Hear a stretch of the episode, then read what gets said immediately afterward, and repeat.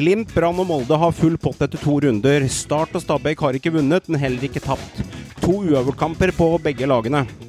RBK kjenner presset etter en svak sesongstart, og hvem skal egentlig skåre målene for Viking i Haugesund, som begge står med null poeng per dags dato?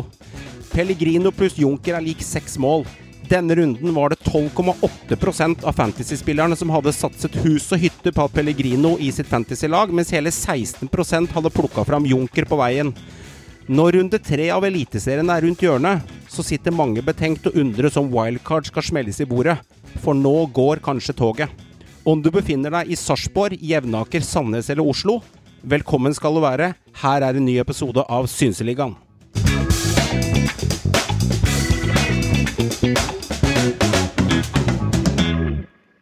Og vi kan jo starte hos deg, Håvard. Seks poeng. Brann-supporter. Hvem hadde trodd dette? Det var enkelte av oss som tippa Brann på en 7. og 8.-plass før sesongen, og folk skreik om at eh, Kolskogen var ikke rutinert nok, og de trengte en forsvarssjef, men uh, jammen meg. Komson og Bamba dukka opp fra intet. Intet, det var dine ord. Uh, jeg har trua hele veien. Det er en grunn til at jeg også tippa dem eh, i, eh, i, eh, medaljekamp. Og det var ikke kun med et supporterhjerte. Mm. Når vi også fikk på plass forhånd og klassekeeperen vår Ali Amada, så ser det veldig mye bedre ut. Og nå viste jo også Brann-gutta at uh, trenger ikke forhånd i alle kamper. Vi klarer oss fint med Kolskogen og Acosta.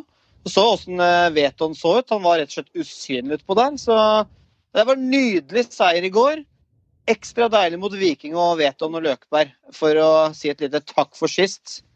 Og gutta er med. Seks poeng. Det er kanskje ikke så mange som hadde trodd. Og de har også imponert meg, eh, særlig veldig i andre omgangen i går. Har du blitt litt høy, mørk og kjekk på Brann nå? Tenker du at eh, det er mulig å fighte her, altså? Jeg tenker at uh, bak Molde og Bodø-Glimt så blir det jevnt. For okay. der er jeg nå. Bak Molde og Bodø-Glimt blir jevnt. Resten får kjempe om uh, bronsen og plassene bak. Mm, interessant. Så du avskriver Rosenborg her, det du sier? Ja, så Rosenborg Hvorfor skal man være redd for Rosenborg? Altså, de klarer ikke å spille fotball. Det er ingenting som flyter. Du skal vente på Børven til september, da, eller? Altså, For å være helt ærlig, Rosenborg har skuffa meg ekstremt spillemessig. Det er nok en elendig seriestart. Det går sirup.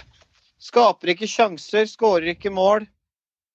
Akkurat sånn som ting er nå, så, så, har de en kjempejobb. Og nå har det vært hektisk møtevirksomhet på brakka. Det brenner under beina på Horneland.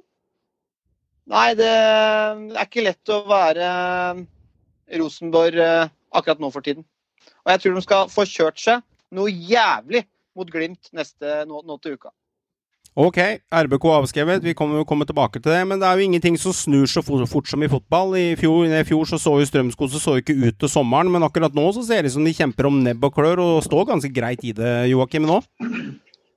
Ja, jeg syns det. Jeg, første kampen var uh, greit nok helt uh, på det rene. En slitekamp og ikke akkurat noe høydere sånn sett, men jeg må ærlig innrømme at spesielt første omgang mot Odd, den, den var trøkk i. Og der spilte de sånn fotball som, man, eh, som Pedersen ønsker at de skal spille.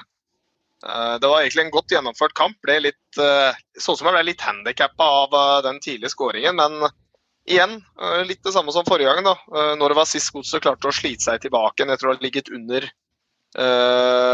så sent i kampen. Det er sjelden. Og igjen, å holde en 1-0-ledelse i 90 minutter, det er heller ikke noe som er vi er godt vant med som uh, Godset-supportere. Så jeg er veldig Nei, jeg er fornøyd med starten. Jeg, jeg syns det er fint når det nevnes. Odd, de får det tungt. Det laget der, de Odd får det veldig tungt i år. Odds. Det er odds, faktisk. De får det blytungt. De får det tungt i år. Det, det laget der, det, det, der, altså. det skaper null og niks, og de har skapt mer eller mindre null og niks i to Og nå har jeg eh, hørt uh, erstatteren. Det snakkes om Bakenga. Jeg må si jeg er ikke skremt av det. Nei, det er uh, det, lukter det, er ikke, ikke det. lukter ikke mye mål av Mors, dessverre. Nei, han er en liten målsvik, da, hvis han får opp Super, super, super fyr og jovial å bli og jobbe på, men Men det blir ikke så mye mål, dessverre. Jeg, eh, nei, eh, hvis det er det som er erstatteren til Børven, så eh, det syns jeg ser tynt ut. Det lukter en mye tyngre sesong på Odd enn det jeg egentlig forventa. Muligens Botheim nå, da. Men eh, gutter, det har gått Ja. fem minutter og tolv sekunder av podkasten inn til tredje runde av Eliteserien. Og Odd kommer til å slite, og Rosenborg er ferdig. Hva tenker du, Meran? Er de litt for avskrevet litt for tidlig her? ferdig er vi ikke her, eh, Johan, men, eh, men eh, jeg tror det blir tøft for Rosenborg å komme til opp kampen om gullet, som vi egentlig hadde meldt. da. Det er lenge til julaften. Meran, hva tenker du om Stabæk sin start? Mellomfornøyd. Jeg er fornøyd med at vi, eh, vi ikke taper kamper. Mm, Vi, eh, vi er gode defensivt. mm. Jeg syns vi er litt tynne på spissplassen.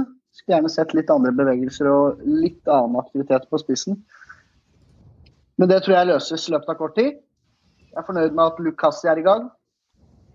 Men uh, vi mangler en målskårer, og det Det syns Det er jeg ikke så fornøyd med.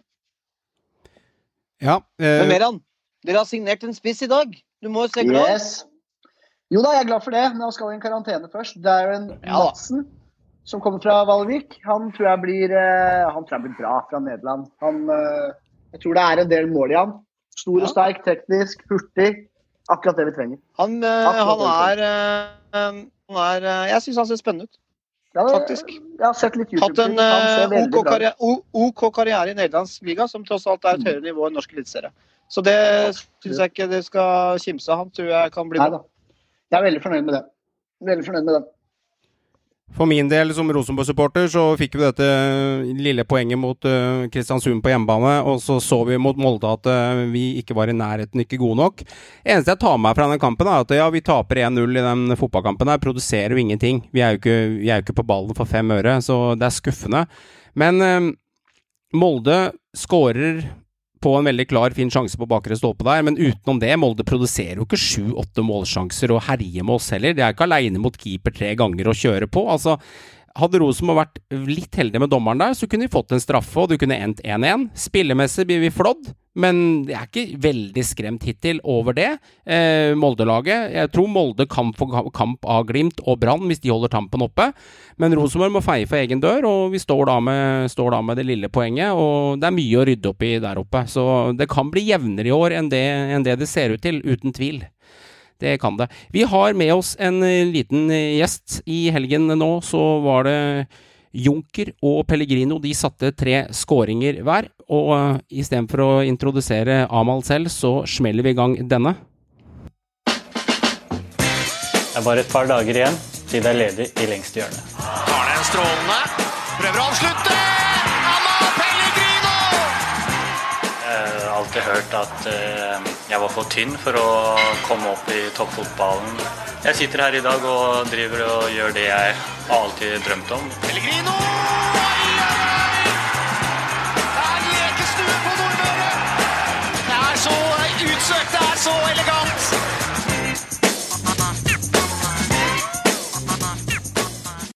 Yes, Amal. Velkommen som synsegjest i Synseligaen. Tusen hjertelig. Alltid hyggelig. Hyggelig, hyggelig. Du var jo med oss for to-tre måneder siden, og da klarte du å lire av deg at i årets sesong så jeg går for 15 målpoeng. Det husker jeg veldig godt. Og jammen, nå er det oppe i fire målpoeng allerede.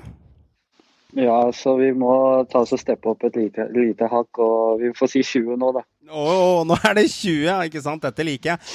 Vil du ta oss gjennom den matchen der, og hvordan, hvordan føltes dette på kroppen? Du klarte å uttale deg i, i avisen også at får jeg ikke tid på børsen nå, så får jeg det aldri, sa du. Jo, man må eh, Jeg syns det, syns det er vanskelig å se hva mer man skal gjøre i en eh, fotballkamp. Så jeg får prøve seks mål neste gang. Kanskje det går da. Mm. ja, det. Fikk du ikke ti bø på børsen, altså? Fikk faen meg Nei. Du fikk ni? Så Narvestad ville ha sagt, altså. spilte jo bare 73 minutter, så altså, det er kanskje derfor. det er prinsipp, som Narvestad ville ha sagt, altså. altså. Her er det nieren det går i. Får ikke ti. Hva faen skal du gjøre da? skårer fem mål? Det er jo helt sinnssykt. Ja, da, jeg er litt imponert over det, Amal. For den ene skåringa det er jo en skikkelig, skikkelig reveskåring. Litt sånn Torstein Helstad på første stolpe der, og så vender du kroppen 180, og så dunker du over keeper. Han får ikke reagert før han får blunka, for å si det sånn, så den går rett i nettet. Nummer to ser ut som et innøvd eh, frispark der. For, ta oss litt igjennom den, for jeg hørte på TV-en at den sannsynligvis var innøvd. Stemmer det? Ja, vi øvde på den eh, de to siste dagene før kamp, så da er det jo ekstra gøy at det klaffer. Så den fløyt bra, så det var moro å se at den gikk inn. Jævlig frekk cornervariant. Det er ikke ofte du ser det der. altså. Det syns jeg var jævlig, jævlig kult trekk. Ja, vi får takke assistenttreneren for den, så Den, Sander eh, har noen eh, kule ideer, han. det var, de hang ikke med i svinga der, for å si det sånn. Nei, og så skårer han egentlig to mål som ikke er veldig typisk deg, Amal. Men så kommer selvfølgelig på det tredje. 1, 2, 3. På det tredje skal det skje. Og da eh, Mbaye klinker den ballen ut, litt som Amada-style i Brann. Eh, I hvert fall som han gjorde i Kongsvinger i fjor. Og så lander den rett på lissa di, og du legger den ned. Eh, litt som Bentner la den ned i sin tid for Rosenborg. Bare rett ned på lissa, ett dytt til sida, og så køler du den på den måten vi snakket om i vinter. Dårlig sammenligning med Bentner. Nei, jeg Ben- nei, nei. Er mye bedre. Nei, men han legger ballen ned. Eh, på førstemottaket så er det på samme mottak og samme, eh, samme tjenesteland. Men når du fiker den over, eh, over der, som vi har snakket om før Keeperen, Forsvaret, veit at den kommer, men man klarer ikke stoppe det, for kvaliteten er så høy. Altså, det er enormt, og vi Det er hyll, altså. Det er ekstremt, eh, Pellegrino. Ja, det var en deilig følelse. Jeg kjente med en gang når eh, jeg fikk den til rette at eh, det var egentlig ferdig. Eh, Det var egentlig bare å fullføre det jeg hadde i hodet, og så var det egentlig bare å få den helt i hjørnet, så vet jeg at han har ikke sjans uansett. Ja, for når du treffer der, det går jo så fort, men du rekker sikkert å tenke òg Fy faen, den her går inn, liksom. Det må være en utrolig deilig følelse. For du, du ser jo bare Du treffer jo perfekt på den bua der. Ja, jeg ser at jeg får en meter til han forsvarsspilleren, for han skjønner ikke at jeg får ned ballen. Så når jeg får den lille meteren til å sikte på, da, da vet jeg at eh, jeg må bare treffe eh, sånn som jeg vil treffe, og så da vet jeg at det er mye jeg har gjort, egentlig.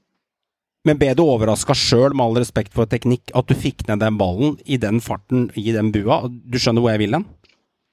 Ja, jeg skal ikke si at eh, jeg tar ned den ballen ti av ti ganger. Det skal jeg ikke si, for det var en ganske høy ball. og Det er en vanskelig ball å ta ned sånn, og så får jeg den jo egentlig akkurat som jeg vil. Selv om det er veldig vanskelig. Så det er jo litt flaks, litt dyktighet. Eh, man trener jo mye på det, og så er det jo gøy når man lykkes. Jeg vil trekke fram eh, ikke lord Bentner, jeg vil trekke fram Thierry Henri. Er, eh, der snakker vi mer rett sammenligning, type scoring. Det var som å se Henri i glansdagene, det der. Jeg tror ikke du helt fikk med deg at den- mottaket ned var Bentner, da. Eh, For han har gjort det der x antall ganger, og Tiri Henry er nok lik sammenlignende som vi har snakket om før, men det er mottaket her som er ekstremt også, da. Det er eh, faktisk en like stor prestasjon Lorden som skuddet. aldri, gjort- Lorden har aldri gjort det der. Han har aldri tatt ned ballen sånn, nei. Jeg, jeg, jeg har tydeligvis sett det før, da, så det går bra.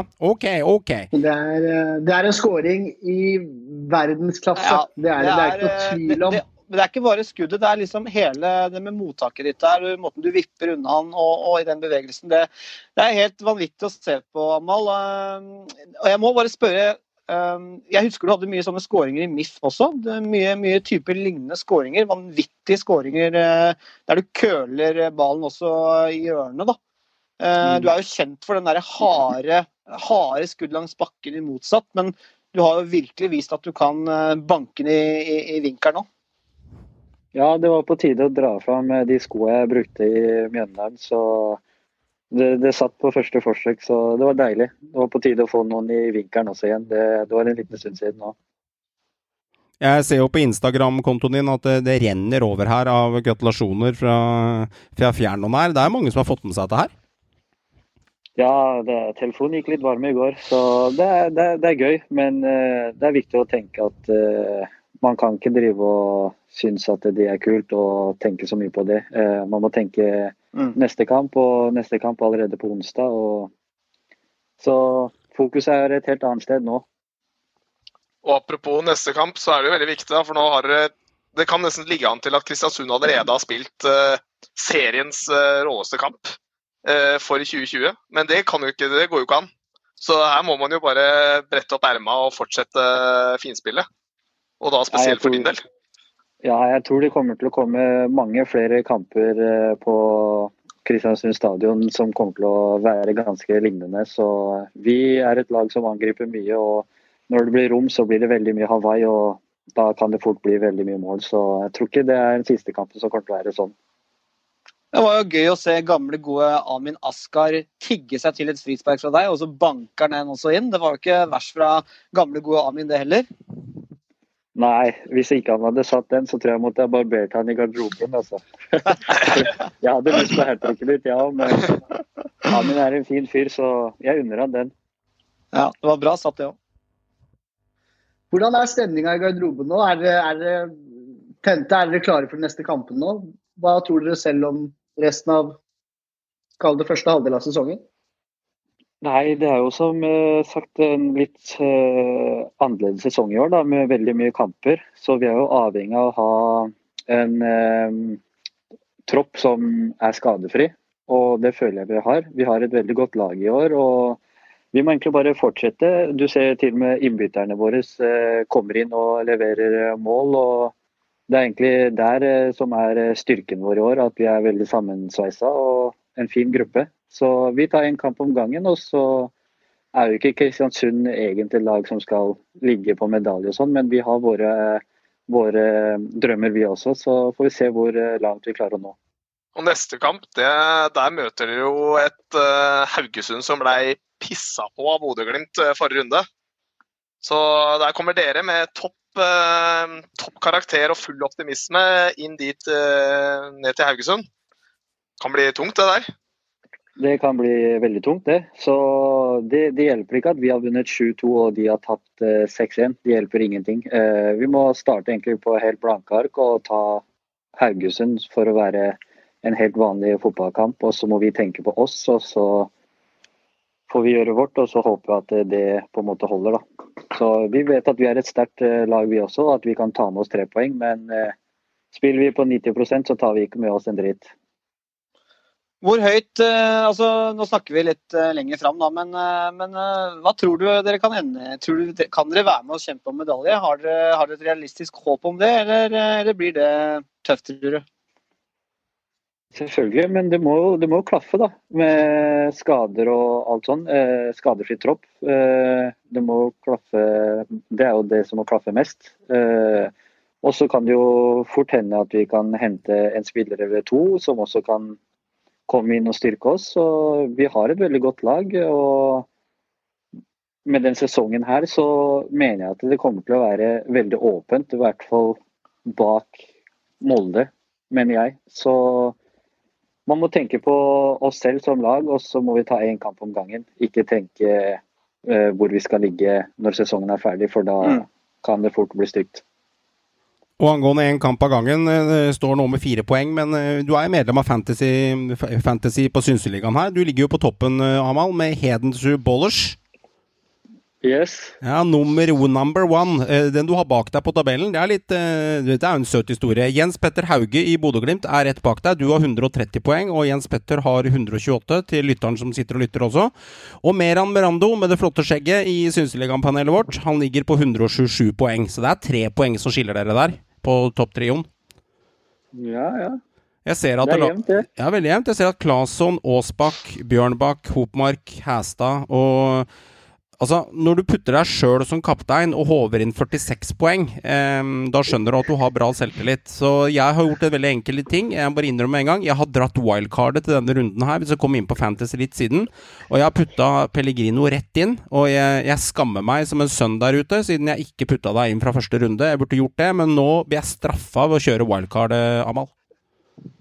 Jeg skal ærlig innrømme at jeg kjørte wildcard i forrige runde, jeg også, så da er vi to. Ikke sant.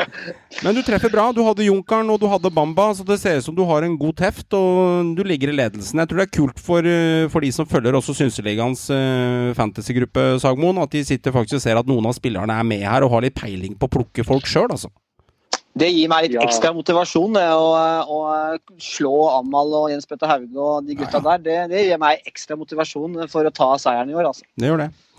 Amal Pellegrino, eh, tusen hjertelig takk for at du stilte opp, og kos deg med de tre skåringene. Og så får du ha en glimrende, glimrende kveld. Tusen takk for at jeg fikk være med. Vi stempler deg ut med sounden av Amal one more time. Det er bare et par dager igjen til det er ledig i lengste hjørne. Strålende. Prøver å avslutte.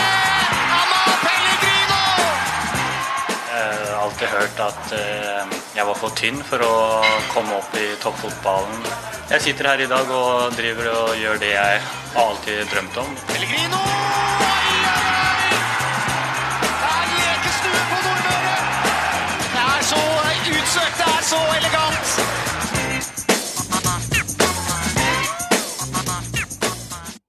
Da vil jeg gjerne takke Norsk Toppfotball for å låne oss klippet som vi fant på Instagram eh, hos dem, på eh, hashtaggen Eliteserien. Takk til Norsk fotball, Toppfotball for det klippet.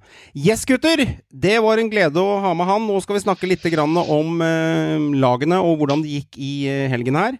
Jeg må jo starte med én ting å si først. Vi kan jo ta en eh, liten fin hendelse der. 200 publikum eh, på stadionet rundt omkring.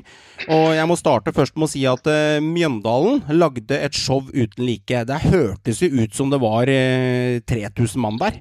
Altså, jeg, jeg, jeg, blir- jo ek, ekstremt imponert over det de klarte å prestere av lyd, Joakim.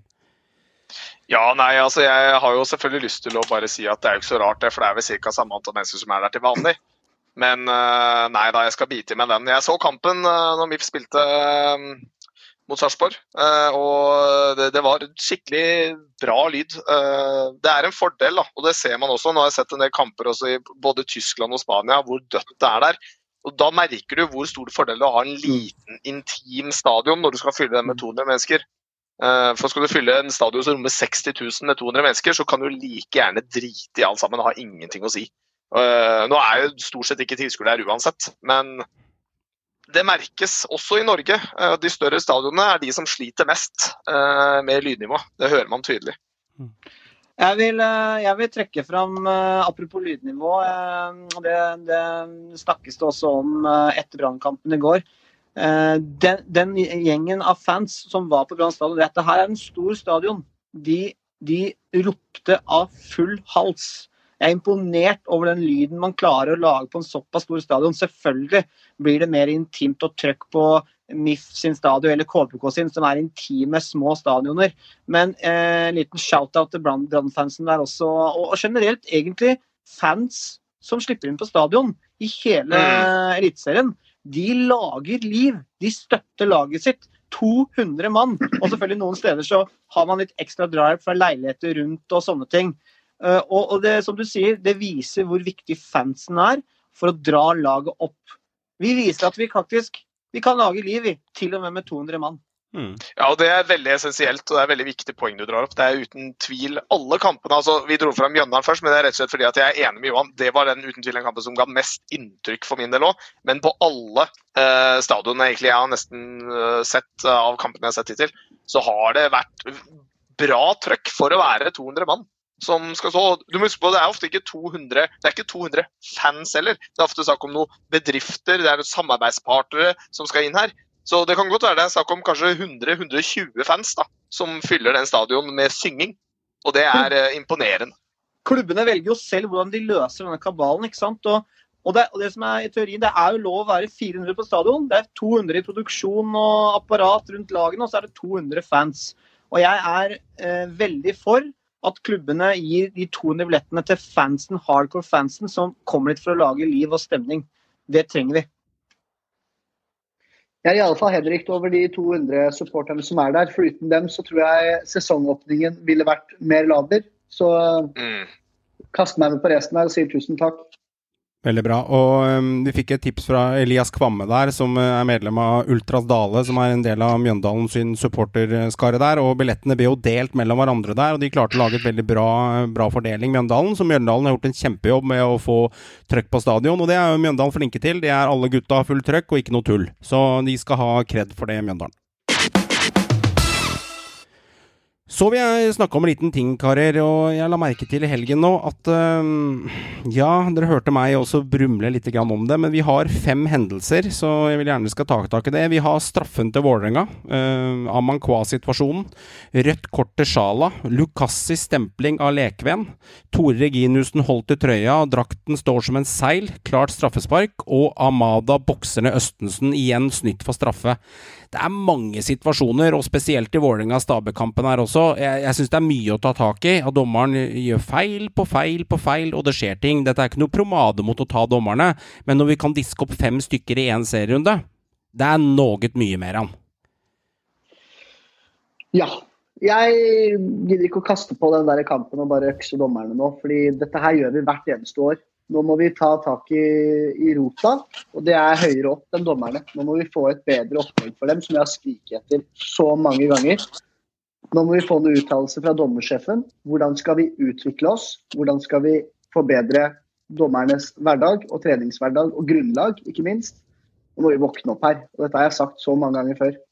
Men hvordan kan, du, hvordan kan du dømme straffe til Vålerenga eh, i en sånn situasjon da Mankoa så vidt er borti han? Han puster på han, mens Tore Ginussen har seilet ut, og Amada slår ned Østensen, og det syns ikke. Hvordan er det mulig? Hva tenker du, Håvard? Nei, det Jeg, altså, jeg tenker at først og fremst alle gjør feil. Dommere, spillere. Men det her blir så, det blir så synlig. Det Ja. ødelegger jo regelrett kamper. Ikke sant? Det blir for mye situasjoner. Noen situasjoner vil det alltid være. De verdens beste dommere gjør også feil, men det er regelrett for mye situasjoner hver eneste runde. Det, det, det nytter ikke nesten å stå og beklage seg. Fordi det, det ødelegger jo kamper. Det ødelegger jo for lag. Ikke sant? Så det er, det er eh, Når det er, når det er liksom tydelige stemplinger og, og, og eh, klare frispark som ikke blir dømt, kort i hytt og gevær altså, nå, må, nå, må de, nå må de gå i seg sjøl. Og, som du sier, Meran, dette ligger høyere oppe. Eh, dommerne må selvfølgelig gå i seg selv, det er de som dømmer kampen. Men det må bli et bedre opplegg rundt dommerne. De må få en kvalitetsheving over hele linja. Og så er det jo et poeng, da, spesielt det som også irriterer meg litt, er liksom sånn som i kampen altså, den, altså Det var Enga-Stabæk, det var den kampen hvor det var det var, der var det jo tre klare egentlig feil gjennom hele kampen. Og det som er, De gjorde jo et poeng av det i pausen, og så ble det gjort et uh, poeng uh, det var vel av Rekdal. At uh, man skal ikke gjøre altså Selv om man på en måte har driti seg ut en gang, så skal man ikke tilgodese det andre laget i andre omgang, som er en sånn typisk sånn dommerting da, som gjøres. Som for så vidt er helt fair. Men når du da går til andre gangen og gir da verdens eh, letteste gule kort nummer to noensinne til Sjala. Og så får dem en utvist spiller når han veit at han uten tvil skulle vist ut kasset i første omgang. Det var helt åpenbart. Altså, altså om du kan si vist ut, men at i hvert fall ikke at skulle fått gult kort, i hvert fall. Men eh, jeg mener jo det er en helt klar utvisning. Eh, og når du da velger å gi det kortet i andre omgang, det, altså det blir for dumt, da. Da har du vedgått en feil. Du har gått i fagmål og sagt vet du jeg dreit meg ut i første gang på den der eh, taklingen. Det var åpenbart at eh, det der skulle vært noe mer. Eh, og så gjør du det i andre omgang på noe som du fint kunne sett bort fra. Du kunne fint ha sett bort fra den og bare latt den stå med det gule kortet. Ikke noe problem. Da blir det for dumt. Det blir, det blir så tullete. Rohit Saggi han får mye skryt faktisk av både spillere og dommere og ledelse, at han er en talentfull dommer. Men jeg syns at eh, godeste Saggi det har blitt eh, mye feil. Han er mye i fokus. Han eh, må passe på at eh, det er ikke dommeren som skal være i fokus, eh, Saggi. Det er spillerne og kampen. Du skal ikke være stjerna i showet ved å ta eh, avgjørelser som påvirker kamper. Altså dette her, han må gå i seg sjøl. Jeg syns han også opptrådte lite ydmykt i den eh, Særlig den Sjala-situasjonen der.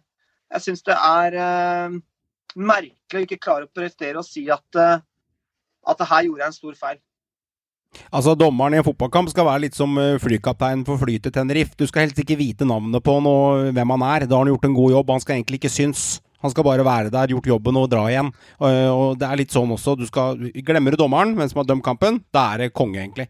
Og ja, Vi får sette strek over eh, dommerne og bevege oss litt på det som faktisk eh, handler om disse poengene i Eliteserien. Noen mister poeng, og noen får poeng pga. dommeravgjørelser. Men det jevner seg litt ut som terningen til slutt, og så, og så er det det beste laget som vinner. Men kjipt at sånt skjer, og noen blir straffa litt. Det er kjedelig alltid. Vi får håpe det tar seg opp nå. Vi får håpe det. Ja da, vi kan, ikke henge oss opp i, vi kan ikke henge oss opp i evig tid for det. Det er surt, men Nei. sånn er det. Eh, Bodø-Glimt derimot, eh, ja, hva er det de holder på med i nord her, Joakim? Altså, De ser jo ut som de har tenkt å gjøre til skamme resten av hele ligaen. Når jeg så han eh, Sandberg til Haugesund der på intervju etterpå, så visste han nesten ikke hvor han har vært med på en eh, karuselltur uten like. Han var jo helt forskrekka, stakkar. Altså, de, altså, ikke, de gjør det samme som i fjor. Altså, det er, det er liksom, de beviser jo bare det at uh, det er mer med Glimt enn de spillerne, enkeltspillerne de klarer å dra frem. De klarer seg fint uten Evin. Det går bra. De har andre spillere som bare bruser opp uh, og bidrar og drar laget videre. Saltnes, Sinkernagel, alle de gode gamle har kommet i gang. De har henta inn en Kasper Junker nå som ja, ja, putter tre mål på én kamp. Uh, altså, de spiller akkurat samme fotball som de gjorde i fjor. Det er like mye tempo, det er like mye fart, det er like mye eh, spilleglede i laget. Eh, og når du da møter et eh, Haugesund som ja, For så vidt relativt patetisk forestilling av Haugesund, men allikevel, da, når du da møter et så sprudlende Glimt-lag, så ja, da blir det 6-1, da. Så enkelt. Det går så fort. De klarer ikke å stoppe dem. Og dette her er en sterk hyllest til spillestilen, spillemønsteret til Bodø-Glimt, som vi snakker om nå. Masse viktige spillere ut. De plukker fra Obos, de henter her og der. De får implementert spillerne inn i, sitt, i sin spillestil, sin spillemønster. 4-3. Hurtig, angrepsvillig fotball langs bakken. Det er en fryd for øyet å se på. Glimt spiller Norges fineste fotball, uten tvil. Det er, Som de også mange vil si de gjorde i fjor. Ja, det, det er vant, det samme. Selv om de ikke vant seriegull i fjor, ja. på sitt beste, så spilte Glimt den beste fotballen. Det mener jeg faktisk til og med eh, foran Molde på sitt beste. Glimt er ekstremt gode i eh, det offensive spillet sitt. Helt enig. Ser du på lagene som har tatt seks poeng, da, altså for, fra mitt ståsted, så er Glimt den som har imponert mest. Jeg syns Brann er nummer to. Eh, de virker stødige og ryddige og skårer mye mål. Og nummer tre av de er Molde med seks poeng. Ja, de flådde Ålesund, men Ålesund hang med etter langt ute i andre omgang, og så kom det to kjappe. Og så tok de Rosenborg 1-0 herja med dem ballmessig, men de skapte ikke flust mot RBK i forhold til det Glimt og Brann har gjort. Så tripp, trapp, tresko, Glimt, Brann og Molde. Alle har seks poeng. Eh, men det er fortjent seks poeng til alle laga, og de har fått et lite stykke eh, på laga under her nå. Ja, jeg vil ikke være helt enig uh, i forhold til Jeg er fremdeles litt usikker på Brann, uh, men årsaken til det er rett og slett fordi at Vi snakker status quo akkurat nå. Jo, jo, men status quo, det er det jeg sier. Men årsak Altså, ja, de fortjener seks poeng, men uh, de slo Haugesund i en kamp jeg anså som tålelig jevn. Jeg syns ikke Brann var et dominerende lag i den kampen. Uh, og nå har de slått Viking, som er et lag jeg har hele tida trodd at kommer til å slite veldig i år. Jeg mm. ser ikke at Viking skal klare å få til dette. Jeg er ikke helt på det. Altså, jeg mener heller at Brann har fått seks poeng de bør ha hvis de skal henge med oppe. Så bør de få de seks poengene. Det er sånn jeg tenker det. Mm. Uh, men de tre laga, uten tvil, de har starta forrykende. De har starta bra. De har fått de poengene de trenger i de første to rundene.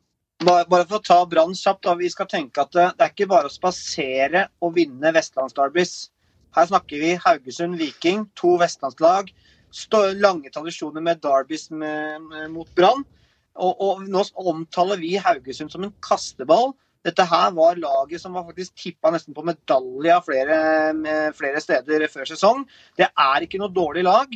Eh, Haugesund kommer til å ta poeng, eh, tror jeg, utover. Dette her er ikke noe lag som kommer til å rykke ned. Det tror jeg ikke noe på. De får også en Waji tilbake. Eh, så jeg er, helt enig med deg. Kampen i Haugesund mellom Brann og Haugesund den lå og vippa lenge. Men det er veldig deilig å se den moralen når du klarer å vippe en seier i 95. minutt. Og det gjør noe med resten av gruppa for, en, for sesongen videre. Og For å ta kjapt den Molde-Rosenborg-kampen, da, Molde vinner 1-0. De, eh, de, rundspiller ikke Rosenborg, men de har et vanvittig ballinnehav. Eh, på det verste der så var det 80-20 i ballinnehav. Eh, og det ikke, skal ikke Rosenborg være bekjent av overhodet.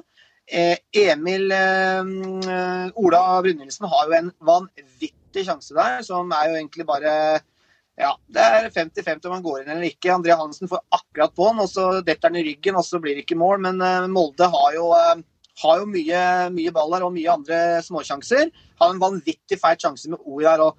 Plutselig kunne det stått en 3-0 der også. Men de vinner 1-0. Uansett er det viktig at eh, lagene vinner. Du må vinne mm. sette kampene for å være med der oppe. Og det gjør jo de lagene nå.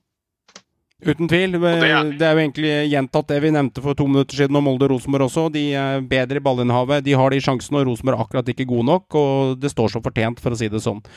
Eh, vi kan gå klart til Sandefjord og Mjøndalen og Godset på fire poeng, Meran. Dette er lag som eh, Ja, Sandefjord er jo kanskje laget som alle har eh, ja, egentlig dratt av skrapel- skrapelodd og bare pælmer ham ned i containeren, for ned til Obos skal dem. Men Sandefjord har kara til seg fire poeng sammen med Mjøndalen og Godset, som også lå i bunnstriden i fjor. Det er sterkt, det, altså. De henger med i stroppen, ass, og de spiller også ganske OK òg. Og de er ubeseira. Alle lag er ubeseira. Ubeseira. Jeg er foreløpig imponert over Sandefjord. og selv om jeg har tippa dem helt nederst, så, så imponerer dem i åpninga her nå. Så blir det spennende å se framover. Mm. Jeg syns Mjøndalen imponerer meg. Jeg, jeg syns ikke jeg har sett litt av matchene og har sett dem nå. De rakner ikke.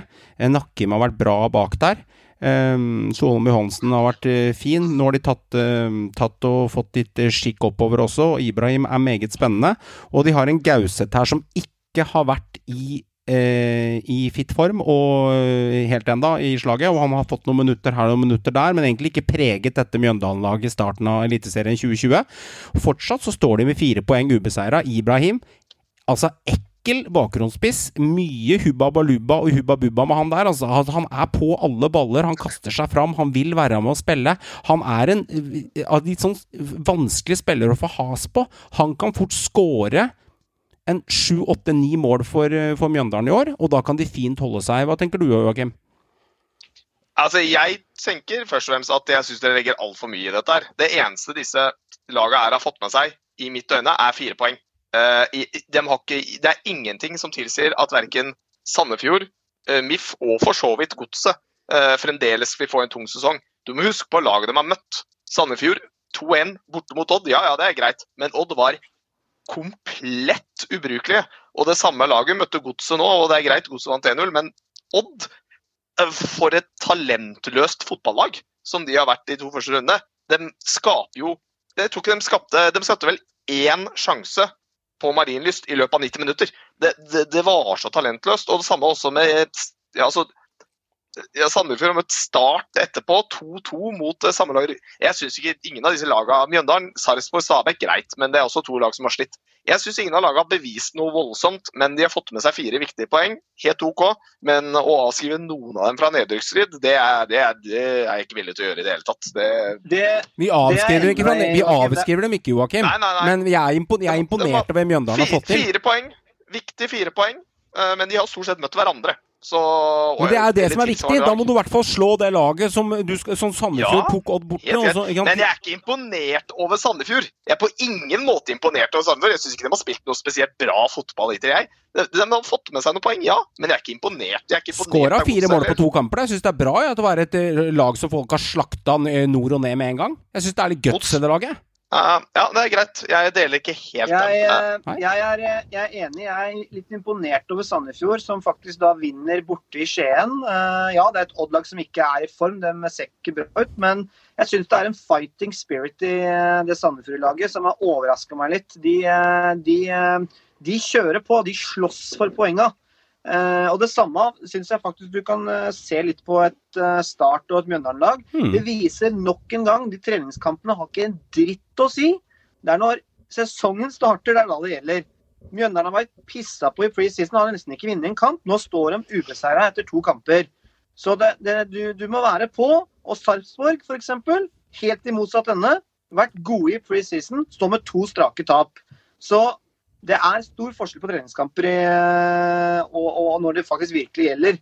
Så, men, men jeg er enig med deg, Joakim ingenting som tilsier foreløpig at de lagene ikke skal være i bunnstriden. Fordi det kommer til å bli så jevnt. Kommer det noen skader osv., så, videre, så vil de lagene merke det ekstra. Men jeg tror det var en meget viktig signering for MIF å få landa Ibrahim. En spiss som har blitt stempla som en Obo-spiss av Haugesund. Det, det, han er en luring. Han kommer til å skåre mål. Det er han. Rev, som jeg kaller han i, i, old, i skikkelig Bra- Brapak-style i gamle dager, bortsett fra på et lavere nivå. Men en spiller som får mye tåa på han og kommer til å pirke ballen over linja x antall ganger. Og Så- han har fart. Du har trenger sånne lag som Mjøndalen. Du trenger Mm. en spissen som kan løpe uh, fra en mann og gjøre ting litt på egen hånd. Det trenger sånne lag som MIF. Så Odd og Sarpsborg eh, vi har, altså Odd har virkelig fått kjørt seg for å ta de begge to lagene. Sarpsborg altså, så ganske bra ut i vinter, men altså, de har jo Fakir og Strand Larsen og Saletros, og de, Jørgen Horn er jo helt kjeks, men de har fått lite uttelling av de kampene her. Og eh, Strand Larsen, jeg er skeptisk, og jeg har vært skeptisk lenge. Altså, jeg syns ikke han er på i de matchene jeg har sett den heller. Jeg har sett begge matchene på TV-en her når jeg har sittet, sittet og sett på. Jeg jeg syns det er tamt, altså. Han er nesten ikke med i matchen i det hele tatt. Han er liksom borte. Akkurat som han blir tatt ut på et vis. Jeg er helt enig. Både Odd og Sarpsborg eh, har vært eh, til tider begredelig. Uh, nå, de, de har jo, altså Odd har skåret et mål på straffespark, det er alt de har klart å få til. og Det var nesten den eneste sjansen de Ja, de hadde vel litt sjanse mot Sandefjord første kamp. Men det er det eneste de har fått til der. og Sarpsborg til fremdeles så gode å putte et eneste ett og har tapt to kamper i knepent 1-0. Og Da kommer det litt tilbake som dere nevner i forrige greie, da, at disse lagene må vinne disse kampene. Og Når vi da sier de tre-fire foregående lagene har fightervilje og fighter spirit, og det har gjort at de har fått eh, hanka inn poeng, så virker det ikke som verken Sarpsborg eller ikke minst Odd. De har jo ingen Om det er vilje eller hva det er, men de får jo ikke til noe. Det er Det, nesten begredelig. Der syns jeg det er, Der er det mye kvalitetsspillere, men det er akkurat som at det blir for lett. Det blir Mm. liksom for lett og for teknisk. De, de klarer ikke å være med på den krigen og det trøkket som det, altså Eliteserien er en fysisk liga. Det skal du ikke glemme. Det er stor forskjell på svensk fotball og norsk fotball. Det er mye mer fysikk, dueller, trøkk. Du må være på mot sånne lag som MIF. Det nytter ikke å spille dem rundt hvis ikke du er med på den fysiske kampen i kampen. Du må ta de duellene. Du må være på. Og akkurat som at Mikael Stare og Sarpsborg har blitt tatt på senga. Jeg syns det er et lag med bra kvalitet, mye gode enkeltspillere. Og de spiller også fin fotball til tider. Men det nytter ikke det hvis du taper de viktige duellene. Jeg er litt enig med deg der, Håvard, og jeg- støtter det resonnementet. Og Det er akkurat det samme jeg føler om Ålesund på en måte òg. Jeg føler at de har vært litt naive. Ja. Den trebekslinja også føler jeg Lars Bohin må revurdere, fordi Mm. det er store hull i hele laget der. Hvordan, eh, altså De har sluppet inn, sluppet inn Er selv om 11 mål? i mål- Ja, Han minus skåret 11 mål på to kamper. Ja. Da ville jeg vært litt bekymra. Det er juniorfotball, som Lars Bohin sa det Ja. sjøl. Men han er jo klar over det selv. Altså Mannen er jo ingen dumskalle. Han skjønner jo sjøl han har en utfordring.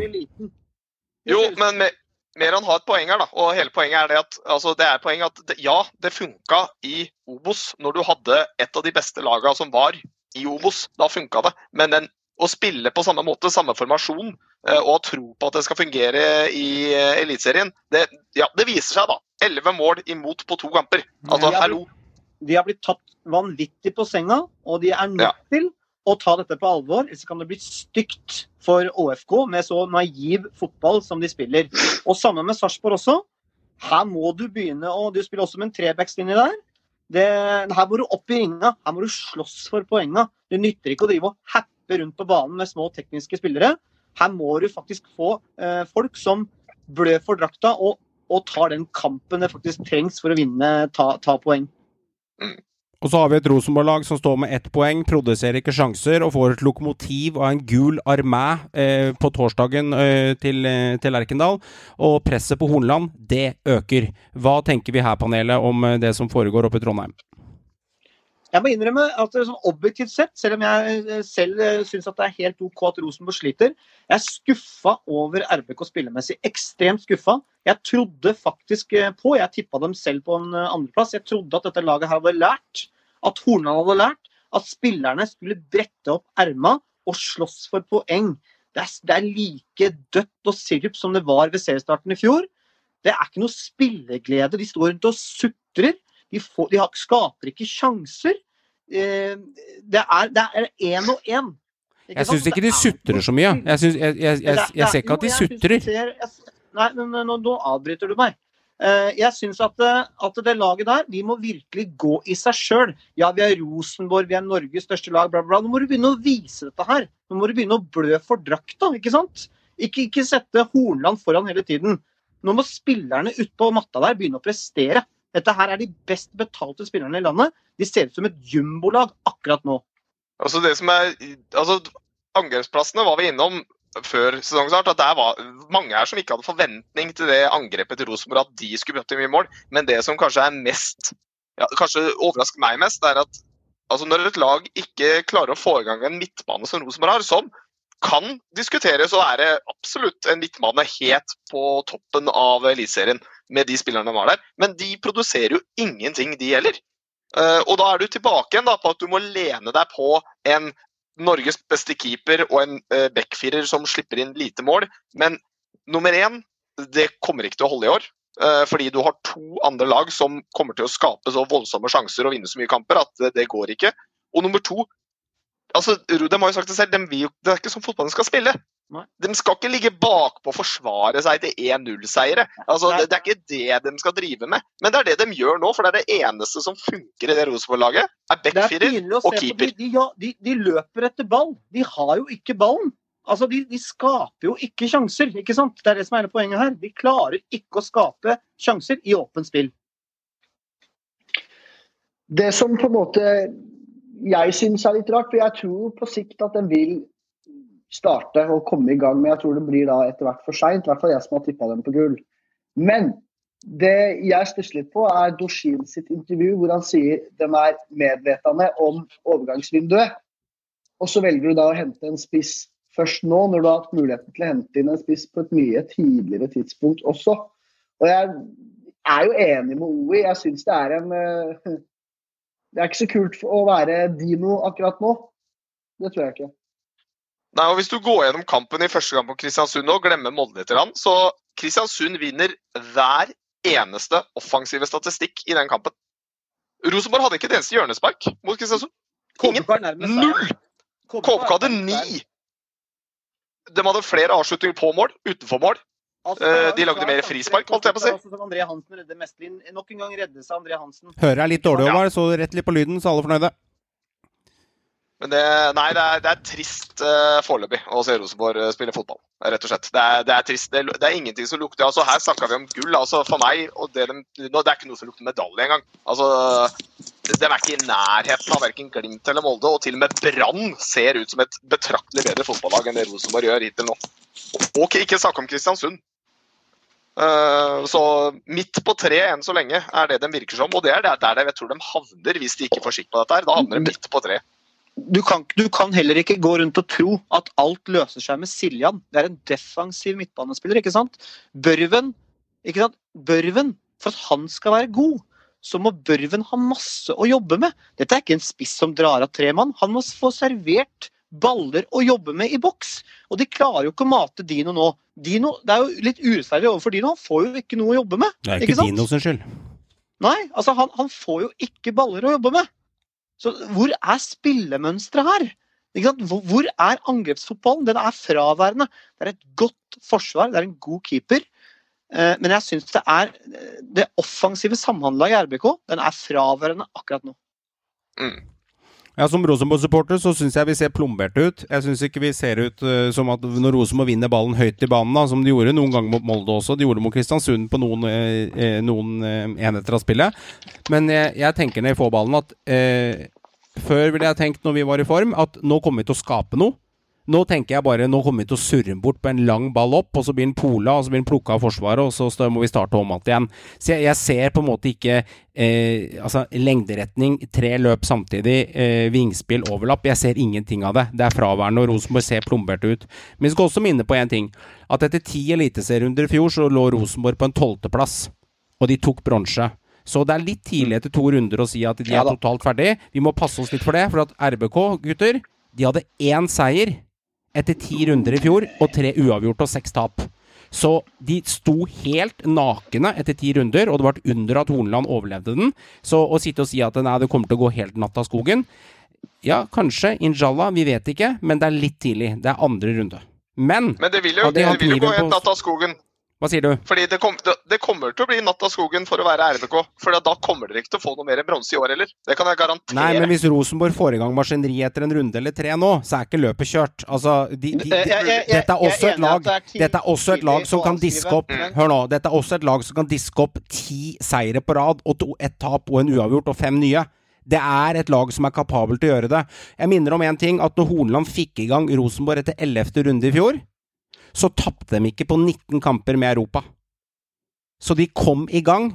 Men Det kom noe sent, Meran. Ja, og dere endte 16 poeng bak Molde til slutt. For dere kom ikke i gang tidlig nok. Ja. Det er 16 Det er mye, altså. poeng. Det er mye. Det er mye. Men hvis Rosenborg ikke kommer i gang etter ti runde, da er det bare å pakke julegaven og sende den sørover. For det er jeg helt enig i. Men kommer de i gang nå mot Bodø Eller etter nordover. Ja, eller nordover. Men kommer de i gang, og, eller jorda rundt. Men kommer de i gang, og ikke det skjer til tiende runde, så er det muligheter. Altså, Molde ser bra ut. Men jeg var ikke jeg var ikke skremt livskitten av meg. Jeg syns per dags dato Bodø-Glimt og Brann ser faktisk hvassere ut i forhold til hva jeg trodde. Gjør faktisk det. Jeg syns de tre lagene stikker seg ut. Det gjør. Som man skal, det som man skal tenke, de gjør jo det. Det er bare å se på tabellen. Ja da, ja da. Det de tre- Tabellen lyver ikke. Med, tabellen lyver aldri. Det er seks, tre lag med seks poeng. Men det som er viktig å tenke på her, at det går Rosenborg på et tap mot Glimt, da er de åtte poeng allerede bak Bodø etter tre runder. Og, Altså, og sannsynligvis det er- Molde. det, og sannsynligvis Molde. Det er alarmerende mye allerede. Ikke sant? Du skal Mm. ta igjen de poengene her også. Det er ikke bare å ta igjen de poengene, Det er det ikke ikke. sant? Det er det ikke. Meran, du skal få spørsmål, du. For vi har litt spørsmål og litt tilbakemeldinger fra folk som eh, følger oss på Insta og lytter til Synseligaen ukentlig. Det er hyggelig. Siggyboy82, han eh, kjører til deg, Meran. Han lurer på hvem får sparken først av Horneland og treneren i Sarpsborg 08? Stare. Horneland. Ok. Du kjører Horneland på den. Er det noen andre som har noen andre meninger der, med tanke på at Rosenborg har sagt der at de skal holde han eh, freda ut hele året? Hva tenker eh, resten av panelet om eventuelt det? Er det noen andre tanker vi har? Kan eh, jo har få laget til å fungere. Har vi, har vi noen andre tanker? Det, kan det, eh, er Hornland kjørt, liksom? Hvis vi skal sette de opp mot hverandre? For å være helt ærlig, skal man si eh, odds på de to der, så, så i, min, i, i min bok så er Hornland favoritt til å få sparken. Fordi at jeg, eh, det jeg vet, vi er i gang med møtevirksomhet på brakka. Det skjer ting. Det er en prosess, som Hornland selv sier. Han vil ikke si hva det er, men det er en prosess. Og jeg tror at hvis RBK går på tap mot Glimt hjemme nå, da er jeg eh, veldig sikker på at da kommer det til å skje noe. Da kommer det til å skje noe, og det kommer til å skje noe med eh, på trenersida. Mm. Det, det er jeg sikker på. Det tror jeg også. Jeg tror den kampen er eh, vinn eller er forsvinn for uh, Hornland. Fordi, rett og slett pga. det vi sa før. Da er de åtte poeng bak. Sannsynligvis tre lag vil ligge åtte poeng foran dem på tabellen etter tre runder. Mm. Og det er Det er for mye. Det er jo bakleksa allerede. Vi er helt i starten av sesongen. ikke sant? Men- ikke noe- som ikke folk har sett for seg at kunne se fra før. Jeg tror vi har nevnt det et par ganger her òg, at eh, RBK fort kan stå med ett poeng etter tre kamper. Det tror jeg vi var innom eh, for et par uker siden når vi snakka om dette her. vi, vi, var, vi var innom RBKs tøffe kampstart, Mm. kampprogram. Vi var innom akkurat det her, om hvordan det kan kanskje se ut. Og nå det, det ser ikke lovende ut da, for Hornland og prosjektet hans. Det gjør ikke det, altså. Vi har fått en tilbakemelding fra John Christian Muggutter. Jeg tenkte jeg skulle lese den til dere, for jeg syns det er litt hyggelig å vise litt om eh, bredden vi tar opp her. Altså, han sier at ja, det er faktisk en av dere bedre podkastene jeg har hørt. Jeg pleier å høre mye på indre bane, men der er jeg lei en viss person som alltid snakker så møkk om alle bunndaga, selv om de viser at de ikke er så dårlige som man skal ha det til. Hint, hint. Liker svært godt tabelltipsepisoden deres, eh, for der går dere gjennom alle lagene, og dere er ganske gode på å gå i dybden. Kanskje dere kunne hatt en pod om alle supportergruppene, og de som lager liv på tribunene land og strand rundt i Norge. Det er en hyggelig tilbakemelding fra John Christian Mugg, og det er jo koselig at folk legger merke til ting her, eh, Joakim. Ja, det er kjempegøy. Og jeg har sett et par av de tilbakemeldingene som eh, blir lagt ut på Instagram eh, direkte om oss, og det er jo kjempegøy å lese. Og vi setter jo pris på det, for det betyr jo at det vi gjør faktisk eh, påvirker mennesker da, på en positiv måte. Og det er godt. Nå håper jeg ikke han ble altfor trist nå da, med den eh, hamringa mi på de antatt båndlaga i denne runda. Det, det var ikke sånn ment. Men Jeg tror han eh, mente heller at, at vi var flinke til å snakke om dem, og ikke altså, vi klarer fint å hamre på topplaga òg, for å si det sånn, Ja, så det går bra. hamra mye på et visst lag nå. Vi bare Det er berettiga også. Topplag, sa jeg jo. Jeg sa eh, topplag. Jeg tenker det er veldig hyggelig med både, både ris og eh, ris og ros tilbakemeldinger. Det er fint. Veldig bra. Gutter, Fantasy. Eh, hvem har dratt opp wildcarden? Vi snakker snakke noen minutter om det. Eh, så vi tar litt grann om. Joakim melder i hånda. Johan melder i hånda wildcard. Håvard og Meran, er det wildcard neste, eller sitter dere rolig i båten? Kose meg. Du koser deg, ja. bra kaptein forrige, forrige runde. Jeg har, eh, jeg gjorde ingen bytter forrige runde heller, så jeg har, jeg har, hatt to bytter som jeg har endra på i dag. Gratis. Mm. Så jeg koser meg. Laget mitt er bra. Pellegrino er fortsatt min kaptein. Har vært det siden seriestart. Nyter 46 poeng etter forrige runde. Så eh, nei, nå har jeg gjort kasta ut børven. Satt inn The Junk, The Junker. Så nå er vi reda. Ordna den reda. Jeg- Jeg er spent på hvor lenge denne her flowen din eh, varer, Meran. For du er jo ikke kjent for å være noe stayer eh, i fantasy-toppen.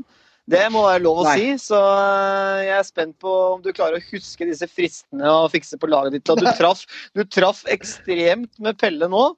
Eh, Men jeg så jo du bomma litt på resten der, men du traff jo noe jævlig med Pelle. Og du traff vel på en til også, på Kassi. Kassi Ja. og, og Sinkernagel Så, men og fått Makani i mål. Ja, Han traff ganske god- bra, skjønner du. Ja, han, gjorde det. Du har fått en god start, men uh, er ikke så fryktelig langt bak deg heller. Så det blir Nei da, du er bare 20 poeng bak. Så det, Ja. men, eh, men Pellegrino har vært kaptein min fra dag én. Han tror jeg blir kapteinen min eh, lenge. Kan vi gå gjennom eh, Så meget bra plukka av Pelle der. Altså, det er jo det er litt, Det er rått, ass. det er litt ris til oss som ikke har den. Jeg må innrømme det. Amal Pellegrino leder med 130 poeng. Jens Petter Haugum 128. Tettere blir ikke. Uh, Synseliga Meran, Meran Marandi, som er i panelet vårt, har 127 poeng. Så kan vi gå til eh, Håvard Sagmoen sitt lag. da. Synseligaen Håvard finner du på en eh, femteplass med 105. Det er tett her, altså. Og Joakim, altså. Altså Vi to, altså, Joakim. Vi er nødt til å ta oss sammen, for vi ligger på 80 poeng begge to. Vi er dødt løp mellom Joakim og Johan. Det står Synseligaen foran hvis dere har lyst til å finne oss. Det er lett å finne når du leter etter det navnet først. 80 poeng på oss to, og vi har 45. og 46. plass. Ja, ordet er ditt, Joakim. Og derfor, Johan, Ja. så har jo begge vi tatt wildcard. Fordi det, den, den, etter den runda her, da var det bare sånn Nei, nå, nå var jeg gikk inn på laget mitt og sjekka hva jeg kunne gjøre, og fant ut at det er eh, det, det, Nei, jeg kan ikke gjøre nok. eh, Og jeg Ja, det er den derre hvor lenge skal du sitte og vente i båten og håpe at disse menneskene du har satt opp, eh, begynner å levere litt. Det var jo en Kinoshita som måtte rett ut, det skjønte jeg fort. Jeg hadde lite, hadde lite håp om at kanskje fikk en litt, at det var overraskelsen min. Hadde den slått til, så hadde jeg vært ganske mye høyere oppe. Men det gikk ikke. Seriens dårligste spiss Ja, akkurat det nå. kan vi Beklager, altså. Enig. Beklager, Så jeg- altså. Jeg har vel beholdt, øh, jeg har beholdt Saltnes, Maigård, Salvesen uh, i, og Linde i førstelaget. Øh, pluss en Bamba som eh, leverte forrige det. Jeg satt og venta med wildcardet mitt til jeg så den kampen. Bamba putta, da fikk han lov til å bli. Og så har jeg selvfølgelig smelt inn både Junker og Pellegrino, en Kaludra. Og jeg har sett at Molde endelig virker som har satt backfireren sin. Så da er det rett inn med to Molde-forsvarere mot start. Så da Vi får se, vi får se hvordan, hvordan det blir, og folk eh, trykker i gang dette her. Det er jo eh, det er mye muligheter, men jeg tror noen begynte å shake litt igjen når det er 12-13% som eier Pellegrino, og bare en 15-16 som eier Junker. Det er litt som aksjebørsen. Når kursene begynner å gå, så begynner man å handle aksjer, for man blir liv, livredd for FOMO, fair fear missing out, så man har lyst til å bli med. Men neste runde så kan hende Pellegrino får ikke en målscoring, og Junker får ingenting, så da sitter man der igjen. Hmm. Jeg kommer til å øh, spare mitt wildcard, bare for å nevne det. Så Mm. jeg øh, kjører ikke noe minus. Kjører kun ett bytte, og har trua på det byttet. Så jeg velger å sitte stille i båten og, og vente med det wild- wildcardet. wildcardet. Jeg kjører som Håvard. Ingen minus, kun plusser her i gården, ja. Nei, vi er i fattigkassa, Joakim, så vi må, Vi vi, må stå på gata, tie etter vann og brød og rett og slett kjøre wildcardet. Jeg trekker fram én spiller denne runden. her. Det er plass nummer 13 med laget Pocket Valley. Vegard Hemmingsen Ebestad. Du dro i land 72 poeng, kom deg langt opp på lista. Fint lag du har. Jeg ser at du er medlem av Stabæk, han også, faktisk. Og Eliteserien Fantasy Eurosport og Synseligaen. Det er mye Stabæk-supportere med her. Han fikk plukka med seg Hauge, Junker og Pellegrino og dro i gang 72 poeng. Så han lå langt nede på øh, han, øh, han Vegard Henningsen Ebestad, men han kom seg godt opp på lista med laget Pocket Value. Det høres ut som en hest på eh, V75 trambanen, dette her. Hadde han null poeng på resten av spillerne sine, da, eller? Nei, jeg hadde ikke det, men eh, kan du se litt på Fordi han, de, tre hadde vel tett og godt Ja, det er ikke så 60 veldig Han hadde, alene, tror jeg. han hadde, han hadde seks-sju enere, og det var Bohinen, Wilsvik, Risa, Vogt, Ikauniex og Sandberg i mål. Og så dro han i gang Aursnes der på, på Molde. Men klart, det er sant, han hadde fem-seks bilder med enere, så det er godt observert, Joakim. Men det er pent. Merandi- Mer- Merandinho hadde jo også det, vet du. Men han Ja, det er jo det, altså. Jeg bare traff ikke på de som jeg traff på. Men det er en del av gamet, da. Sånn er det. Men det er, for å si det, jeg kommer ikke til å røpe laget mitt ennå, for det er fortsatt litt til fristen. Men det er noen av mine spisser som dessverre Nå må de ut. Når det går et par runder uten scoring, så beklager, da er du ikke verd, verdig i mitt lag. Så noen av spissene mine Jeg kan røpe at jeg bytter en spiss. Mm. Her må noen av gutta ut, altså. Jeg kan røpe at jeg bytter eh, så å si hele laget. yes, da går vi over til neste runde, gutter. Onsdag 24.6.2020. Da smeller vi i gang klokken seks, og denne gangen så skal Ålesund få lov til å ta imot Brann i første kampen. Og gutter, vi skal gå litt spådommer. Vi gjør det kort og godt, som han sa i gamle dager, så ikke bruk altfor lang tid nå. Så hva tenker vi, og vi starter hos deg, Meran, rundt uh, Ålesund-Brann. Ålesund hjemme. Det er en eh, B for meg. Brann tar den. Ok. Jeg er enig. Jeg tror eh, Brann vinner den kampen.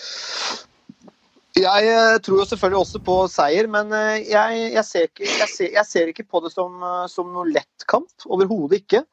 Fordi så, Ålesund er et såra dyr nå. De ligger nede. De, det er, er på stoltheten løs. Det er ikke bare å spasere og vinne på Color Line. Det, Molde også måtte jobbe for den seieren, selv om de vant 4-1. Så nei, jeg tror det blir en tett og jevn kamp, faktisk. Men jeg håper selvfølgelig på nye tre poeng. For meg så høres det ut som en supporter som eh, er livredd for å bli tatt på at Brann ikke vinner den kampen. For Ålesund ser ikke ut. Jeg tror på klink borteseier. Jeg tror Bamba skårer to mål. Komson legger opp to.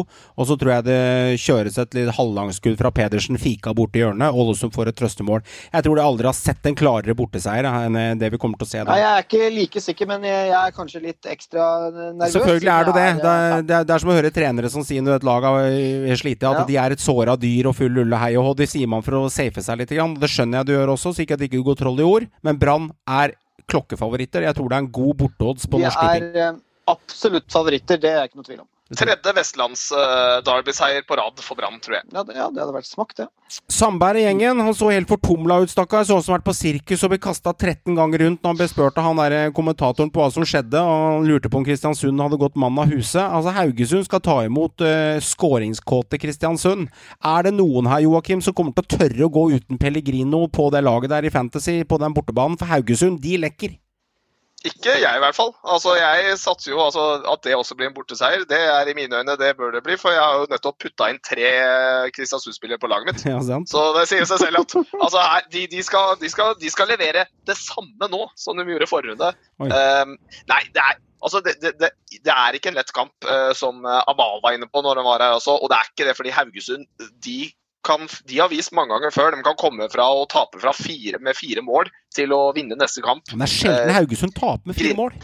Jo, det er det, men altså Grindhaug har, eh, han har en, en god call på spillerne sine til å klare å få dem inn på neste kamp. Men jeg tror Kristiansund blir for sterke, rett og slett fordi at de har sett veldig sterke ut hittil. Og nå tror jeg de har så mye blod på tann at jeg tror det blir en B der òg. Mm, ok.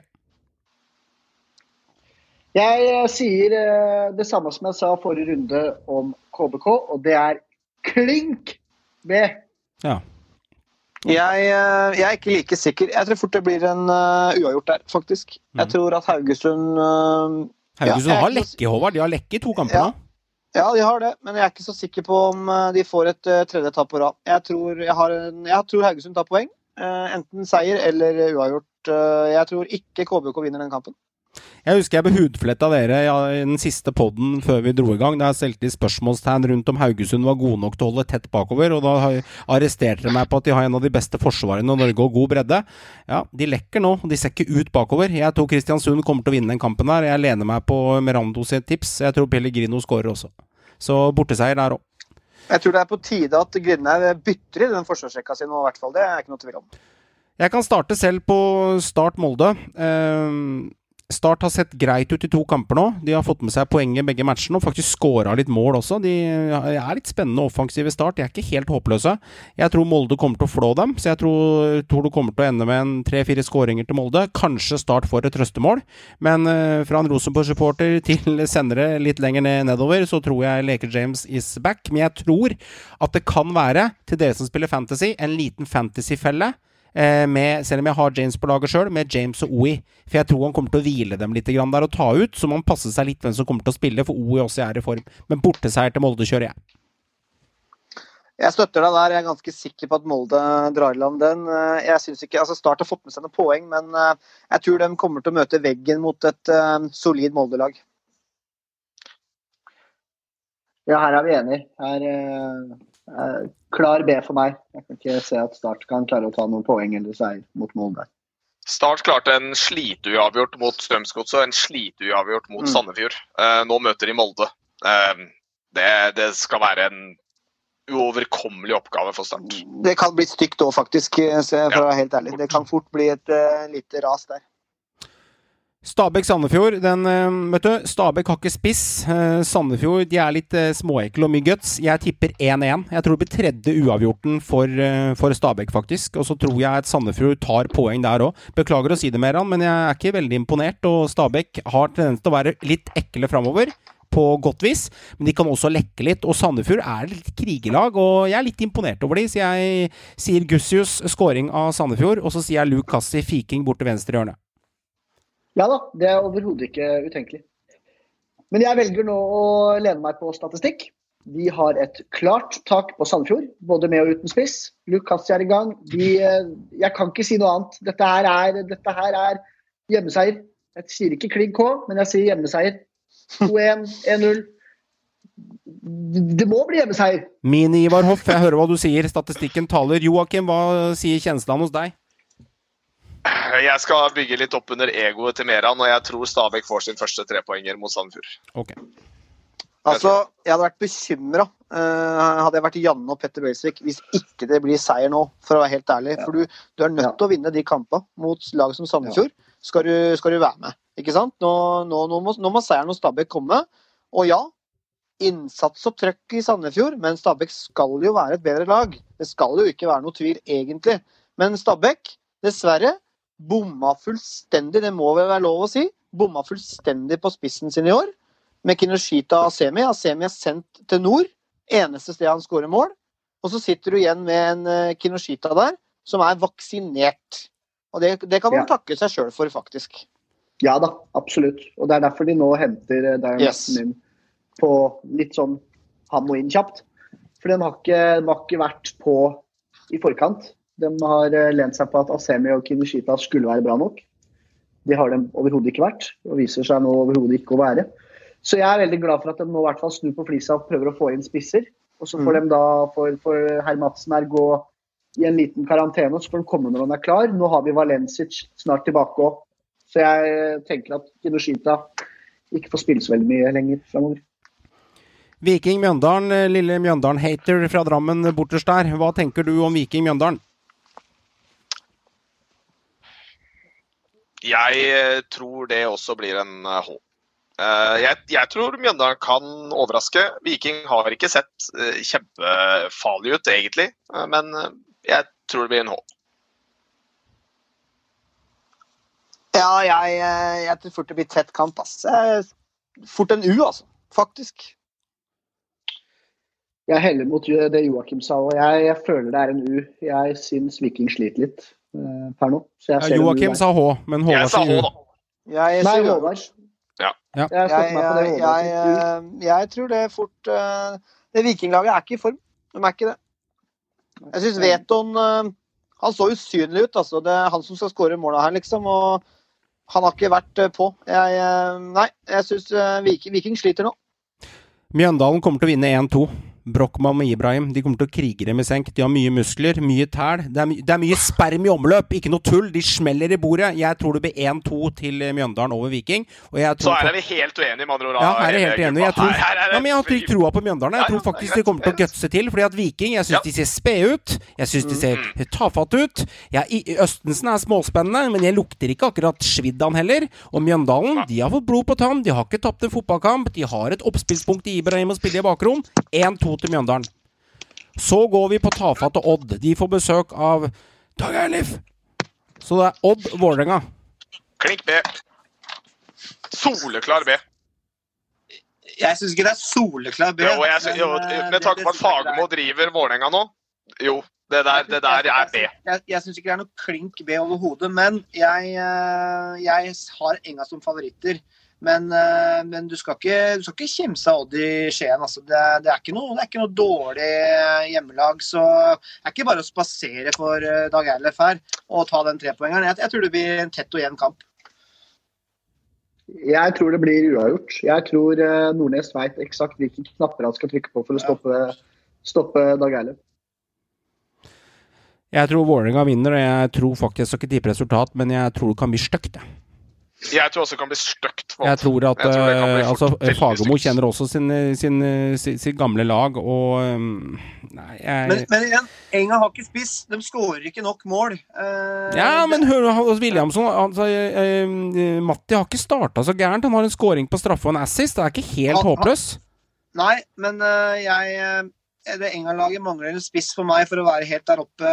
Han har en god, har fått en god start, uh, Fagermo. og Godt hender de vinner, men eh, jeg tror det blir jevnt, altså. Mm. Jeg tror det fort kan bli en uavgjort, jeg. Kan jeg starte på eh, Sarpsborg-godset?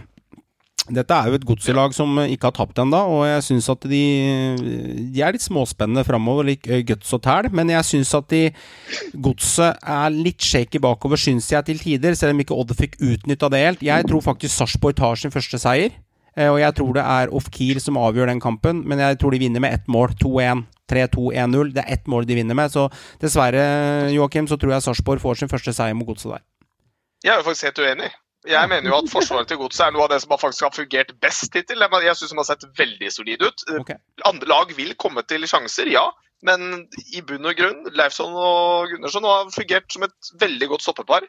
Eh, Jeg, det er ikke noe åpenbar kamp eh, på noen som helst måte, men det er klart jeg heller mot en BR. Den er åpen. Den er åpen, Ja, det er en åpen, det er en åpen kamp, eh, men jeg heller jo eh, klart mot en BR. eh, Det gjør jeg. Ikke bare med hjertet, men eh, jeg Godset bør kunne slå Sarpsborg borte. Og vi, vi har faktisk ganske godt tak på Sarpsborg i Sarpsborg. Så jeg, jeg tror det blir en B. Jeg tror også det blir en B. Jeg tror uh, Godset vinner 2-0. Skåring av Mava og Salvesen. Salvesen putter jo minst én, det er Det er så kjipt å tippe Mava Salvesen. Kan ikke de tippe midtstopper mer? Han bare kommer med sånn, sånn cowboykicks fra sida. Moses! Moses! Si Leifson på corner. Det er mye fetere, liksom. Nei. Jeg, eh, jeg tror også at Sarpsborg får sin eh, første seier. Beklager til eh, Godset-fans, men jeg tror at den seieren til Sarp kommer nå. Jeg får Godset litt ned på jorda etter en OK start. Jeg har faktisk litt trua på at han utskjelte Jørgen Strand Larsen kommer til å skåre jeg nå. Eh, Jeg må gi han den lille tilliten, og så tror jeg at Godset skal slite med Saletros på midten der, som trer, i, trer igjennom. På både en, eh, eventuelt en Ofkir, en Jacobsen, en eh, Ole Jørgen Halvorsen. Så eh, nei, jeg, tror det blir tøft for godset, altså. Men du tror det blir knepen seier? Det er ett et mål vi Ja. snakker om her. Ja, jeg tror det blir jevnt, men jeg tror Sarpsborg drar det i land. Da tenker vi det samme. Uh, Meran, du skal få starte på Rosenborg-Bodø-Glimt. Hovedkampen torsdag 25.6 klokken halv ni. Da sitter hele Norge klistra, alle bare håper på en herlig borteseier utenom gærne trønderbataljonen som meg. Hva tenker hjertet ditt, Meran? Jeg tenker ikke med hjertet på noen av lagene, men jeg tror uh, Bodø-Glimt vinner 3-1. Altså bas basert på hva vi har sett hittil, så er så hvis, hvis Rosenborg spiller på samme måte som de har gjort, og Borgen spiller på samme måte som de har gjort, så kan dette fort bli stygt for Hornland. Jeg, det, er ikke, det, er, det er ikke en safe uh, borteseier på noen som helst måte, og Rosenborg har det med å heve seg igjen. Eh, men jeg kan kun basere meg på hva jeg har sett hittil i sesongen, og hittil i sesongen så skriker dette her B. Og hvis det blir B, så kan det fort faktisk bli eh, stygt. Jeg tror også på borteseier. Jeg gjør det, altså. Jeg tror ikke det blir noe 3-4-0 her, men eh, en 2-1, en 3-1, det, det tror jeg fort det kan bli. For Glimt de er så trygga nå til å fortsette den eh, starten her. Jeg tror Rosenborg skjelver litt. Å si noe annet, det vil være løgn. Jeg tror de er stressa. De veit at det kommer et lag i knallform. De feide jo over RBK i fjor også, Glimt. Jeg eh, Nei, det her blir, eh, det blir en eh, spennende kamp å følge. Jeg, eh, jeg tror på Glimt-seier. Ja, Bodø-Glimt er fryktelig sterke når de får kjørt andre laget mye i kontringer og den type del, og får overgangen på overganger og overlapp på overlapp. Jeg tror ikke de får det så mye mot Rosenborg der, for Rosenborg er ganske sterke defensivt. Ja, de sliter offensivt, Rosenborg. Det er ingen samhandling offensivt, det er helt fraværende. Men jeg tror ikke Rosenborg kommer til å gi fra seg så store rom, og da tror jeg Rosenborg er bedre i, i fysikken eh, faktisk enn det Bodø-Glimt er. Så jeg tror Rosenborg vinner med ett mål. Jeg tror Dino er eh, eh matchavgjørende for RBK. Om de vinner 2-1 eller 3-2 eller 1-0, vet ikke, men de, de vinner med ett mål. Rosenborg tar den seieren der. De redder akkurat. Det er hva jeg tror. Yes, eh, hvis vi skal se på et av lagene Hvis vi skal ta eh, topplaga her, da. Hvis eh, vi, Nå tar vi topplaga denne runden her, gutter. Nå tok jeg båndlaga sist på det. Eh, Brann mot Ålesund. Eh, Molde mot Start og Bodø-Glimt mot eh, Rosenborg. Er topplagene her nå er Brann, Molde og Bodø-Glimt. Hvis ett av de laga driter seg ut, hvem driter seg ut, Joakim? Altså, jeg, jeg, Det blir ikke noe drite egentlig. For, jeg, for, min del så tror jeg at uh, Misse poeng, da. Er, ja, det, Den som misser poeng, det vil eventuelt være Bodø-Glimt, fordi Rosenborg har klart å få skikk på laget sitt. Uh, jeg er ganske trygg på både Brann og Molde. Okay. Uh, jeg er det. Mm. Ja, jeg er alltid litt stressa når Brann skal spille kamper. Det er ikke noe tvil om det. Jeg Naturlig, går ikke der og, uh, og, ser at Brann uh, skal ta noen klink borteseier, men men uh, jeg, får, jeg må kunne helle litt på det Joakim sier. at Skal jeg være helt ærlig, så, så er det jo sjanse for at RBK får skikk på dette her. ikke sant? Og tar et poeng eller til og med en seier. Men jeg syns det Glimt-laget ser så de er så gode nå at de er så trigga for å fortsette. Men, uh, da er det større sjanse for at Ålesund tar det, mener du, at Rosenborg tar det? Hvis du skal velge en av de tre? I mitt, i mitt hue uh, så er det større sjanse for at Brann avgir poeng, ikke at de nødvendigvis taper. Nei, avgir er nok her, for det er topplag akkurat nå. Ja. Vi går ut ifra det. Ja. Hva tenker du, Merian? Jeg er helt enig med det Håvard sa på slutten. Er det noen da som kan avgi poeng, ikke tape, men avgi poeng, så, så vil jeg nok si uh, Brann, ja av de tre lagene. Skal ikke glemme det, og jeg eh, glemmer ikke når jeg ser Brannkamper. Eh, Brann var fryktelig dårlig første omgang i går. Det var en svak, de, de inviterte nærmest et svakt vikinglag med i kampen. Andre omgang var de veldig gode. Da hadde de fått seg et tupp i ræva, og da våkna de og spilte en klasseomgang. Noe av det bedre jeg har sett Brann spille på lenge. De er, nødt, de er nødt til å ikke stå med lua i handa der oppe. Du må, du må kjøre på. Og, og ikke være avventende og legge deg bakpå. Det blir en spennende runde, kjære lytter. Du har sikkert dine favoritter. Og du som heier på lagene som er dømt nord og ned fra nå av, det fra tidligere, det er Start, Mjøndalen og Sandefjord. Dere ligger godt med. Dere har Mange av dere har ikke tatt poeng i det hele tatt. Og lagene som burde tatt mer poeng, som Sarpsborg, Rosenborg, Odd, vi er litt ute og sykler. Runde tre blir ekstremt spennende. I runde én av norsk eliteserie så var det bare borteseiere. I runde to så var det seks av åtte kamper hjemmeseiere. Hva det ender med i runde tre, det vet vi ikke. Tiden vil vise. Ha en glimrende fotballrunde. Kos deg masse. Takk for at du lytter til Synseligaen.